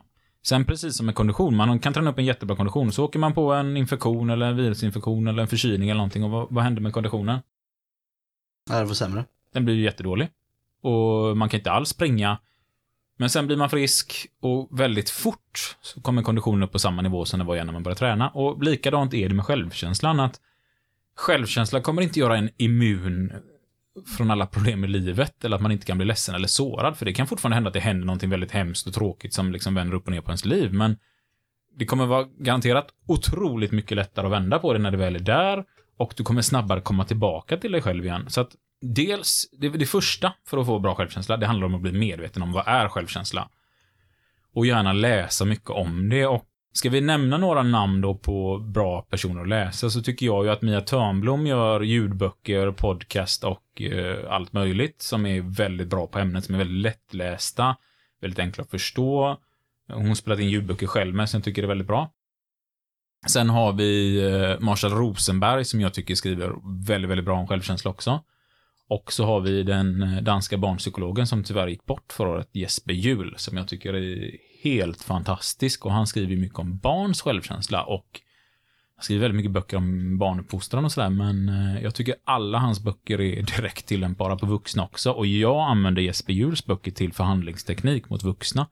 För att eh, vi fungerar precis som barn och väldigt mycket sätts i, från vi är små. Men du kanske kan göra en liten lista och lägga upp på vår Facebook-sida och Instagram? Absolut ska jag göra det. Ja, får jag lägga in ett namn också? Ja, Petra Krantz Lindgren. och det har jag inte läst. Det har du inte Så gjort. det ska jag göra. Ja. Ja. Hon skriver också om barns eh, självkänsla och hur man ska stärka den. Perfekt. Eh, det är steg ett. Bli medveten om vad det är. Lär dig kring begreppet. För då har man lite lättare att sätta ord på sina tankar. Man har lättare att få förståelse för den tanken. Och det mesta inom psykologi handlar bara om att bli medveten om teorier och tankar kring det. Och när man blir det så öppnas en hel värld. Men det är steg ett. Sen behöver vi lära oss att sluta söka bekräftelse från andra, istället bekräfta oss själva. Och Mia, Tern, Mia Törnblom har ju en sån här må bra-bok hon ofta ger ut. Det tycker jag är en helt fantastisk grej att ha. Att man varje kväll skriver ner tre bra saker om sig själv innan man går och lägger sig. Och det kan vara stora som små saker. Alltså små grejer man har gjort så att man börjar träna på att bekräfta sig själv. Att man inte söker, utan man talar om för sig själv. Det här var bra gjort Isak. Fantastiskt. Ikväll kommer jag skriva eh, ner att jag lagade lunch till er två faktiskt. Eh, och eh, ja, till hela min familj också. Vi åt där en trevlig lunch tillsammans, vi spelade in poddavsnitten och gjorde det. Det är ju fantastiskt bra grej liksom. Och det här gör vi dessutom på våran fritid utan någon lön, ingenting. Och det är väl en jättegrym grej att göra. För att vi vill, alltså en sån grej, tala om det för sig själv. Och faktiskt vara lite stolt över det man gör. Men det kan vara mindre saker också. Jag är väldigt glad att jag gjorde disken idag. Ja, eller en sån här sak, precis, du gjorde disken, en sån här sak som att man ligger trött på soffan, håller på att somna och så ska man gå och lägga sig. Det brukar jag ta som ett exempel. Och så, fan också, innan jag går in till sängen måste jag borsta tänderna. Det tycker jag är svinjobbigt. Och så ändå gör man det. Jag tycker det är helt grymt. Ja, alltså bara så ni förstår den historien du berättar handlar ju om dig. Jaha, precis. Med mig själv i tredje person. Nej, men alltså bara en sån grej. Alltså man, man är trött, så ändå gör man någonting. Man kämpar och biter ihop och gör något fast man inte är sugen på det. Alltså såna grejer. Och jag minns en kurs jag höll och vi skulle prata om vad vi hade gjort. Då pratade vi om det. Tre grejer du gjorde igår, liksom, börjar vi varje morgon med. Och då sitter en kvinna där och berättar, det, nej, det gick inte att göra läxan igår. Jag kunde inte komma på tre bra grejer jag gjorde. Men berätta bara vad du gjorde igår då. Du behöver inte berätta bra grejer. Ja, men jag var på kursen här och så... Ja, sen ringde min man och den, hans bil var trasig så jag fick åka och hämta tre barn. En på skolan, en på fritids och en på fotbollsträningen. Och sen körde jag den minsta till fotbollsträningen, någon till dansen och någon till någonting annat. Hem, laga middag och så var jag tvungen att storhandla på vägen hem när jag hämtade stora på fotbollen. Och så var det så jävla skit så jag fick dammsuga hela huset. Jag har inte gjort ett skit annars. Och, och där står jag liksom, och då hade jag sagt så här. "Ja, Jag åt upp en halv chipspåse, resten sparade jag till dagen efter. Det tyckte jag var helt jävla strångt. Öppna en chipspåse och så äter man inte upp den. Man, när man är mätt så sparar man den liksom. Och där sitter hon och tyckte hon hade inte gjort någonting bra. Mm. Så fick vi lite hjälpa henne då liksom att, ja men, var det kul att göra allt detta igår? Nej, det var det inte. Ändå gjorde du det. Ja. Det var väl lite starkt liksom. Sen ska man inte hjälpa för mycket på traven, för det gäller att man faktiskt själv ska lära sig uppskatta det man gör. Och till slut insåg hon, hon hade hört alla andra berätta vad de hade gjort dagen innan, så upp, uppfattade hon liksom att shit vilken supermänniska hon hade varit som hade hunnit med allt det här på en kväll när vi andra hade bara Ja. Ätit en halv påse ätit en halv chipspåse. De, de flesta hade gjort bättre saker än mig. Förminskar du Men, eh, eh, Isaks prestation här. Ja, jag vet inte. För mig är det svårt i alla fall. Förlåt. Öppna en chipspåse och ta halva. Där har vi två sådana saker att göra. Eh, försöka bli tacksam över saker och ting och alltså här kommer ju inom religion det här med att faktiskt be och vara tacksam. Men man behöver kanske inte vara tacksam inför Gud om man inte tror på någon Gud, utan man kan faktiskt börja vara tacksam över saker och ting i sitt liv. Att man bara, jag är så tacksam att jag får bo i Sverige där vi har faktiskt en möjlighet att engagera oss fackligt. Jag brukar ta upp när jag håller en facklig kurs. Tänk att ni kan göra det här på betald arbetstid medan eh, liksom 83% av resten av jordens befolkning, de kan inte ens vara med i ett fritt demokratiskt fackförbund för att det är förbjudet i deras länder. Mm. Då börjar folk liksom, ja, jo, det är väl ganska bra och tacksamt över det. Eh, vi har ett demokratiskt system, alltså det kan vara sådana grejer, eller så små grejer. Vad gött att det var liksom 22 grader i mitt hem när jag kom hem, så jag slapp frysa ihjäl mitt i vintern. Alltså, allt möjligt, att man försöker faktiskt bli tacksam över saker. Och det betyder inte att man ska sträva för att göra samhället bättre. Utan bara att ja, men jag är tacksam över det jag har, men jag vill fortfarande göra saker bättre. Det blir väl att man gör saker bättre också utav den anledningen med. Ja, men man har ju, får ju energi och är glad och framförallt så känner man sig, ja, men om jag har det så här bra så vill jag gärna att andra ska få det så här bra. För jag förstår, när jag mår så här bra så gör jag så jävla bra grejer. Och jag gör saker gratis för andra och jag bjuder på mig själv och jag hjälper alla i min omgivning och jag stannar och hjälper folk på stan. Och då inser jag, tänk om alla andra människor hade haft det så bra som jag har det. Då hade de antagligen också hjälpt alla runt omkring sig och då hade vi bott i en ganska bra värld. Och då börjar man inse att, ja men jag vill hjälpa andra inte bara för hjälpandets skull, utan för att vi faktiskt ska få en fantastisk värld. Så att eh, det här betyder inte att man blir nöjd med saker och ting och inte kommer att göra bra grejer, utan man fortsätter kämpa på. Så att eh, börja bekräfta sig själv, visa saker, visa tacksamhet mot saker och ting. Och sen måste man vara ärlig mot sig själv. Det är nästan det viktigaste. Att man håller sina löften inför sig själv, att man står på sig själv och inte viker ner sig, inte tolererar att andra människor sänker ens värde. Och den kan vara svår. Och då kommer vi prata giraffspråket eller non-violent communication som är en otroligt bra konflikthanteringsmodell som kommer hjälpa oss med detta. Det kommer vi göra lite längre fram i ett sånt här ledarskapsavsnitt. Ehm, men man, man, man kan träna där att man i alla fall börjar hålla sina luften inför sig själv. Och då är det ju viktigt att man inte sätter för svåra mål för sig själv också, så man inte sätter upp orimliga saker att göra. Men exempelvis en sån här sak, om jag sätter mig ner och så öppnar jag den här chipspåsen. Och så vet jag med mig att jag kommer att bli mätt efter halva chipspåsen. Och så bestämmer man sig så här, men, ja, men idag ska jag stoppa undan chipspåsen. Och så gör man detta och det visar att ja, men jag klarar av att hålla luften inför mig själv. Och det stärker min egen självkänsla och, min, och mitt självförtroende samma gång. Så att det där är viktiga saker att göra. Och sen är det otroligt viktigt att man slutar berömma sig själv och andra för prestationer bara. Utan att man istället börjar berömma för individ och vem man är och man börjar prata om att man tycker om folk och sig själv för sin omgivning. Här gör ju många eh, fel, ska vi kanske inte säga, för att det är ju så vi har själva blivit upplärda och så som vi blir upplärda lär vi ut till våra barn och så här, men att man, man bedömer fel saker, man lägger fokus på fel saker, så kanske vi ska säga då, för det är ju ingen som vill göra de här felen. Men ett barn gör någonting och så säger man åh vad duktig du är, åh vad bra du är. För då lär vi ju bara barnen i våran, eller vår, de runt omkring oss, våra kompisar, att det är prestationen vi berömmer och ingenting annat. Utan att man slutar upp med det och talar om istället, åh jag ser att du har målat. Vad kul. Jag tycker om dig. Istället för att tala om, åh vilken fin tröja du har. För då lär vi våra barn, åh du ska vara fin, det är det som är viktigt. Och istället säga, jag tycker om dig. Jag blir glad av att se dig. Att det är det som är det viktiga, att man berömmer personen, alltså i, att man tycker om dem. Så att det är ju viktiga grejer och om man vill stärka någons eh, självkänsla i sin omgivning. För ni har säkert, när ni har hört de här, ni har känt igen jättemycket folk i er omgivning när ni har pratat positivt, negativt, framförallt det negativa. Och så kanske man känner att jag vill stärka min väns självkänsla, eller min chefs självkänsla, eller mina kollegors självkänsla. Att man faktiskt börjar prata, prata med varandra om att eh, höja klimatet, tala om, gud, det är så underbart. Och det tycker jag, att det är underbart för den här podden med er två, som jag tycker om så mycket. Vi har så otroligt kul ihop och målet för oss är inte egentligen att podden ska bli så bra, utan, ja, det gjorde det väl också, men det är kul att göra det tillsammans. Äsch, inte den här lilla podden. Jo, det är jätteviktigt att vi pratar med varandra så, för det kommer stärka varandras självkänsla också. Och det kommer stärka er egen självkänsla att ni vågar tala om för andra vad ni känner inför dem. Så, Ja, men det är väl de tipsen jag vill skicka med nu. Så kanske jag har glömt någonting, men då får vi ta upp det i efterhand. Det är de grejerna som är lättast att börja med, för det kan man själv verkligen styra över allting detta. Så bara har jag förstått det här rätt. Det, det är bra att ha en bra självkänsla. Ja, Ja, men vad bra. då har du... Då har jag fattat. du är, Vad kul att du varit med här idag. Jag gillar dig för du är så skarp. Eh, Men jag tänkte vi ska avsluta det här avsnittet med ett test som eh, man lite kan testa sig. Är min självkänsla bra eller inte? Är det någon av er beredda att göra det här självkänsletestet så kan vi göra det i slutet här och så kan den som sitter och lyssnar på podden också försöka hänga med och göra det samtidigt och värdera sin egen självkänsla. Mm, ja, men jag, jag, jag ställer upp på det så. Ja, alltså, och det här ska man inte se som här, "Åh, det är ett psykologiskt test som talar om om jag är dum i huvudet eller inte. Liksom. Nej, det här kan man se som att man gör beep-testet i skolan, där när man skulle springa. Det pip! Och så ska man Nej, springa. det är ett liksom. konditionstest. Ja, det är ett konditionstest och det här går att påverka. Så att får man ett jätte, jättedåligt resultat så kan man ta det som att, ah, vad dålig kondition jag har. Jag ska nog börja träna på detta. Är fördelen med att mycket av det här kan man göra medan man äter en påse chips. Men inte, inte hela påsen.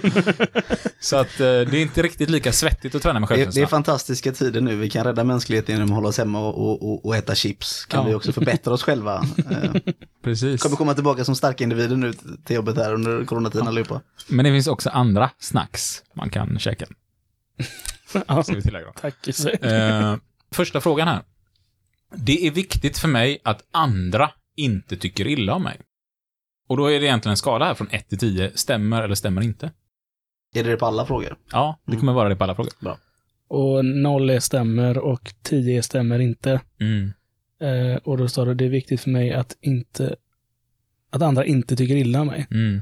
Det är lite dubbelnegativitet. Ja, det blev är lite konstigt, men jobbigt ställd fråga, men eh, na, så det blev lite olika olika situationer kanske också, men, eh, men säg sju då. Och, och då är det ett ganska bra svar. För man, man kan tänka sig att på den här frågan så, om det är väldigt viktigt för en att andra inte tycker dåligt om en, då betyder det att man troligtvis lägger väldigt mycket värderingar i vad andra tycker om en. Och med en god självkänsla så gör man inte det, utan då känner man ju så att nej, jag bryr mig egentligen inte. Det är väl kul om folk tycker om mig, men det är inte det viktiga för mig, utan det viktiga för mig är att jag är den jag är och på det sättet som jag tror är ett bra sätt att vara på. Liksom. Så att det är ju ett, en sjua tycker jag är ett väldigt bra svar här. Mm. Okej. Då ska vi inte värdesätta dig här nu, gör jag fel. här. Du har presterat eh, här Ja, efteråt. precis. Men det, det, det är ett tecken på att du har arbetat med din självkänsla, som jag vet att du har gjort också. Mm. Jag försöker hålla borta negativa känslor för att andra inte ska tycka illa om mig. Alltså att man försöker hålla borta alla de här negativa känslorna man får från andra. Så att man ska verka mer positiv än man egentligen är. Det blev ju också en fråga jag ställde lite annorlunda. Men, eh, men jag, sätter, jag hade satt en femma på den här då tror jag. Mm. Och då är det lite mitt emellan, stämmer och stämmer inte. Och det är Ja. egentligen samma här, att eh, det kommer vara så på alla frågor utan den sista här, att eh, svarar man stämmer så är självkänslan lite sämre och svarar man stämmer ej så är självkänslan bra. Åter tillbaka till detta att om man håller borta sina negativa känslor för andra bara av det skälet att man inte vill att de ska tycka illa om en. Det kan ju vara som att man håller borta negativa känslor av andra anledningar. Men jag vill inte dela med mig av det här till de individerna. Eller att, nej men just nu har den här personen lite tufft och den behöver inte veta att jag också har det tufft just nu. Då behöver inte det ha med dålig självkänsla att göra. Men om man gör det för att man är rädd för att folk inte ska tycka om en, så är det någonting man behöver stärka. Jag tänker mycket på vad andra tänker om mig. Ja, här är också, man, alltså är det människor man älskar eller tycker om liksom runt omkring en så påverkar det väldigt mycket. Men, eh, Men mindre om det är... men mindre om det är kanske kollegor man arbetar med bara eller eh, sådär. Men, eh, ja men Då får jag hoppas att dina kollegor inte lyssnar på den här podden. Att de är mindre värda än dina nära än min mamma och sådär. Ja, det Ja, men säg sex, sju, självklart liksom. Ja. kommer det ju spela jättestor roll vem som tycker vad, liksom. Utan... Eh, här är det också så att man, Carl tänka, Bildt tycker illa om dig. Jim. ja, Mm, ja, det hade inte känts så jobbigt ska jag säga. Men det här kan ju också bero lite på vad man har för jobb och lite sådär. Är man en offentlig person eller politiker så kanske det ändå på någon, något sätt, ja men det är, för jobbets skull så är det ganska viktigt att folk tycker om mig. Men det handlar mer om hur, hur känner jag inför det liksom eh, inom mig. Jag ställer alltid upp och hjälper andra för att inte bli illa omtyckt. Eh, t- Tio. Alltså, Du gör inte eh, någonting för andra bara för att inte de ska... nej, det, det, nej. Det är ju jävligt bra.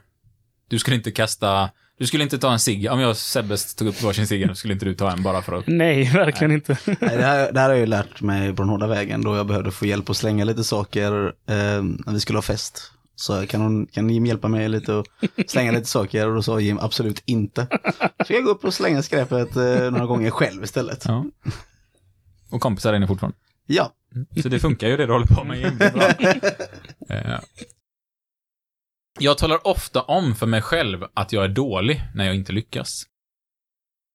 Nej, det... Det kanske i tonåren gjorde man det, men det säger nio, tio då eller något. Ja. Och det är ju kanon liksom. För att det här är ju en sån sak som skadar ens självkänsla. Att man klaga på sig själv när man inte lyckas med saker. Och jag var fast i ett sånt riktigt mönster där allting som, man, som gick för jävligt. Och det kommer ju fortfarande tillbaka. Det språket har jag ju lärt mig. Det är som att lära sig svenska liksom. Det språket kommer man ju bära med sig hela livet också. Får ju träna bort sina språk. Så att det är en sån grej jag... Det, det första tanken som kommer till mig när jag misslyckas med att det är fan vad kast av... Och så får jag liksom, nej det är ju inte alls kast av mig. Så jag får nästan ha en sån inre dialog med mig själv. Jag tycker det är jobbigt att få kritik ifrån andra. Ja, det tycker jag ju. Det, det sa jag ju här förut också. Ja. Jag tycker det är jättejobbigt. Alltså positiv kritik är nog värre än negativ alltså. Ja. Eh, Så säg två, tre liksom. Är den, ja, det tycker jag är skitjobbigt. Och då kan ju det här vara en sån grej man får sätta upp som ett mål. Att det, jag- det här problematiken behöver jag jobba med mig själv och förstå. Jag behöver lära mig mer om mig själv. Varför tycker jag att det är så jobbigt att få kritik från andra? Eh, Är det för att jag känner mig sämre som människa av det? Att jag blir mindre värd? Eh, Vad är det? Försöka hitta i sig själv vad det är. Och det tänker jag, det ska vi inte sitta med här nu i podden. Då blir det väldigt djupt. det, Men där har man ju en sån här grej man faktiskt skulle kunna jobba med för att stärka sin egen självkänsla. Nu kommer samma fråga här igen då. Jag tycker det är jobbigt att få beröm från andra. Det har du redan svarat ja, det på. har jag svarat på. Eh, Jag undviker att säga saker innan jag vet vad de runt omkring mig tycker. Nej, det... Ja, I vissa situationer blir det väl kanske så, också för att man har vissa roller ibland, men eh, ja, säg fem, sex då eller någonting. Ja. Och återigen, här är också en sån här grej. Om man, är, om man är rädd för att folk inte ska tycka om en för att man har sagt fel sak och man håller tyst bara för det, då behöver man nog jobba med sig själv. Sen kan det ju finnas ställen där man av takti- taktiska skäl inte säger precis vad man tycker och tänker för smidighetens skull. Och det behöver inte det bero på att man har dålig självkänsla, utan det kan vara för att man bara vill ha ett smidigt liv för stundens skull. Liksom. Jävligt dålig begravning någon gång. Ja, precis. Ja, den kanske man inte riktigt... Eh, är lite så. Ja, det här var nog det sämsta bröllopet jag har gått på genom tiderna. Och då har jag ändå bara varit på tre stycken. ja. Eh, ja. Jag vill gärna göra allt rätt så ingen ska kunna se ner på mig. Ja, jag vill ju gärna göra mycket rätt, men eh, det är nog också mycket i rollerna. Alltså, så här, när man har eh, uppdrag som behöver göra uppdraget rätt. Mm. Så här. Det, det påverkar ju mycket. Man blir ju en del av det uppdraget man har. Mm. Och jag, jag tycker det är fint liksom här hur ärligt du svarar på allting. För att du talar ju om att du har dålig självkänsla på en hel del av de här frågorna då. Liksom, eller liksom så här visar på att ja, men här behöver jag jobba med mig själv. Och då har du ändå jobbat en hel del med självkänsla. Alltså när du skattar då kanske en sexa, en sjua, så kan jag säga att jag som håller mycket sådana kurser, alltså det är väldigt vanligt att folk svarar noll på nästan alla de här. Att de liksom, ja men det stämmer helt och hållet. Jag bryr mig jättemycket om detta. Så det här är ändå ett tecken på att du har kommit lång väg med självkänslan. Det det är inte konstigt att i vissa fall så ligger det kvar att, som i den här frågan, jag vill gärna göra allt rätt så ingen ska kunna se ner på mig. Att mitt värde bestäms av dem runt omkring mig. Nej, absolut inte. Säg nio då. Eller något. Ja, det är ju grymt. Det är bättre att jag mår dåligt än att de runt omkring mig mår dåligt. Fan, det här var svårt. Jag, har aldrig gjort det här testet med dig, eller har det? Nej, jag vet inte. Nej. Jag, Du skolkar den utbildningen. Ja, den, den dagen. missade någon dag. Så den stämmer ju inte. Jag mådde ju väldigt dåligt när jag fick slänga allt skräp. Just det. jag, jag svarar fem för att jag inte vet vad jag ska svara Nej, här får man ju också tänka så här att eh, syftet med det, den är lite så tvivelaktigt skriven den här, men om man väljer att själv må dåligt för att andra inte ska göra det. Att jag, ja men det är bättre jag mår dåligt än de andra. Nej, det hjälper mig tyvärr inte riktigt. Nej. Jag, jag, jag svarar fem, Ja. då känner jag. Det, det är nog vettigt. Mitt värde bestäms av hur bra jag utför mitt arbete. Ja. Jag, jag sätter ju hög prestige på mitt arbete, det gör jag faktiskt. Så Ja. det här får jag nog säga liksom tre, fyra kanske. Ja. Och då betyder det att någonstans att ditt eget värde ligger lite utanför vad du själv kan bestämma ibland. Eftersom ditt jobb går ju ut på att försöka påverka och eh, det är inte alla som alltid går att påverkas och göra så som fackföreningen vill. Nej, det är inte alltid rätt. Så här är ju en sån sak där du kan riskera att må dåligt på grund av andra människor om du låter ditt värde ligga kvar i eh, prestationerna. Så det är också en grej jag hade börjat fundera på lite. Varför är det så? Varför är det så här för mig? Vad jag tycker om mig själv påverkas till stor del av hur det runt omkring mig behandlar mig. Nej. Eh, nej, det känner jag. Det känns nog okej. Eh, Åtta då eller något. Mitt värde bestäms av hur attraktiv jag är. Nej, verkligen inte. det, det, det hade varit tufft att gå runt och känner jag. Nu låter det som att du inte är vacker när du svarar. jag är ju som ful gubbe, vet du. Nej, men det är lugnt. Det är- Säg nio då. Vad får siffra? Jag har svårt att se eller känna, eller erkänna mina svagheter. Nej, det har jag väl inte eftersom jag sitter här och säger allting jag inte... Nej, men det, här, det här är ju ett starkt bevis på att du har jobbat med din självkänsla och kunna sitta och vara så öppen och ärlig i podd rätt ut till massa lyssnare. Mm. Jag tycker om mig själv även om jag inte är perfekt. Ja, det är jag absolut. Härligt. Och det här var testet och då kan man säga så att på alla de här frågorna så är det bra om man har svarat eh, stämmer ej. Alltså, förutom den sista frågan då. Där är det väldigt bra om man har svarat stämmer. Och det här testet ska vi, vi lägga ut på Facebook då, som Sebastian föreslog här, så att man kan göra detta och eh, få en liten bild av hur, hur ser det ut för mig som person. Men eh, som Så sagt... skickar man dem till dig och så analyserar du dem. Nej, det kommer jag inte göra. Det här håller man högst personligt för sig själv. Ja, Jag tycker inte man, när jag kör de här kurserna så behöver man inte visa upp de här resultaten för någon. Och sen diskuterar vi i storgrupp bara kring frågorna. Och de som vill dela med sig och de som inte vill. Och det är många som inte vill. Och varje omgång jag kör en sån här kurs så är det någon som säger Ja, jag blev så jävla provocerad av de här frågorna. Vad är det för jävla frågor? Och då tänker jag så här. Där behöver vi jobba lite grann på självkänslan tror jag. För om det gjorde så ont att läsa ett par bokstäver på ett papper som bara frågar dig, håller du med om detta eller inte, du blir provocerad av det. Så kan det vara jobbiga saker att fundera på. Och då behöver man kanske tänka lite på, undrar min självkänsla egentligen ligger till grund? Med de orden så skulle jag vilja avsluta det här avsnittet med en dikt. Ja, men det Mm, För att få in lite kultur i den här Oj, oj, oj. Så podden. där. Och då är det ingen sån Peter Apelgren-dikt för det som brukar lyssna på honom. Det brukar jag göra. Den det här är... Nu lät det nästan som hans dikter var dåliga, de är faktiskt riktigt bra. Och det är en dikt på det här temat, självkänsla då. Eh, Och det är Hjalmar Söderberg och det är ur Dr. Glas från 1905. Där han, eh, i mina ögon, beskriver självkänslan otroligt bra och den här dikten skriver med när vi pratar Maslows behovstrappa sen också. Man vill bli älskad. I brist därpå beundrad.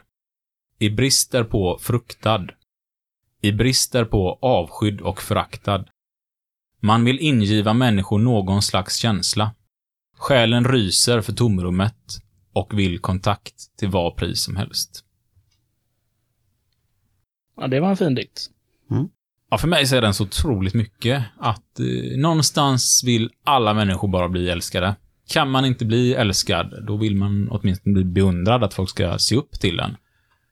Men lyckas man inte med det, då, då vill man att folk ska frukta en, eller bli rädd för en, eller avsky eller till och med förakta en. För att det värsta som kan finnas, det är när vi inte får en reaktion från andra, när ingen ser oss. Det är det absolut värsta som kan hända oss.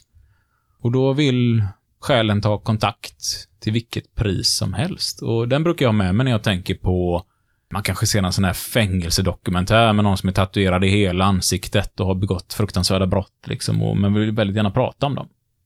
Som säger att de hatar samhället och allt omkring, men när media kommer vill de väldigt gärna tala om allt de har gjort. Och det är väldigt viktigt för dem att erkänna alla brotten och sådär. Det är ett sånt tydligt skrik på att ni ska vara rädda för mig. Så någonting, för det värsta som kan hända är om ingen ser mig alls. Men man kan också höra intervjuer av folk som har suttit isolerade och inte fått träffa några människor om att det är det värsta du kan utsätta en annan människa för. Som suttit häktade under lång tid. Kanske det värsta då för de som har suttit oskyldigt häktade dessutom och inte varit i kontakt med en annan människa. Och där bjuder jag på uppfriskande dryck för min telefon ringde. Mitt i det här djupa snacket. Med de orden så slänger jag in Sebastian. Och det var dagens podd. Följ oss gärna på Facebook, på Instagram. Och gå in och tryck följ på Spotify och iTunes och där du hittar den här podcasten. Så ses vi nästa vecka på ett nytt, normalt kanske mer avsnitt kan man säga. Ja, eller hörs. Ja, hörs. Jag vet och med. Ja. Förhoppningsvis. Ha det fint! Ha det gött! Hej! It's a big fucking deal. What the fuck are we doing out here? I ask you, what in the fuck are we doing here? So what's the big fucking deal? What the fuck are we doing out here? I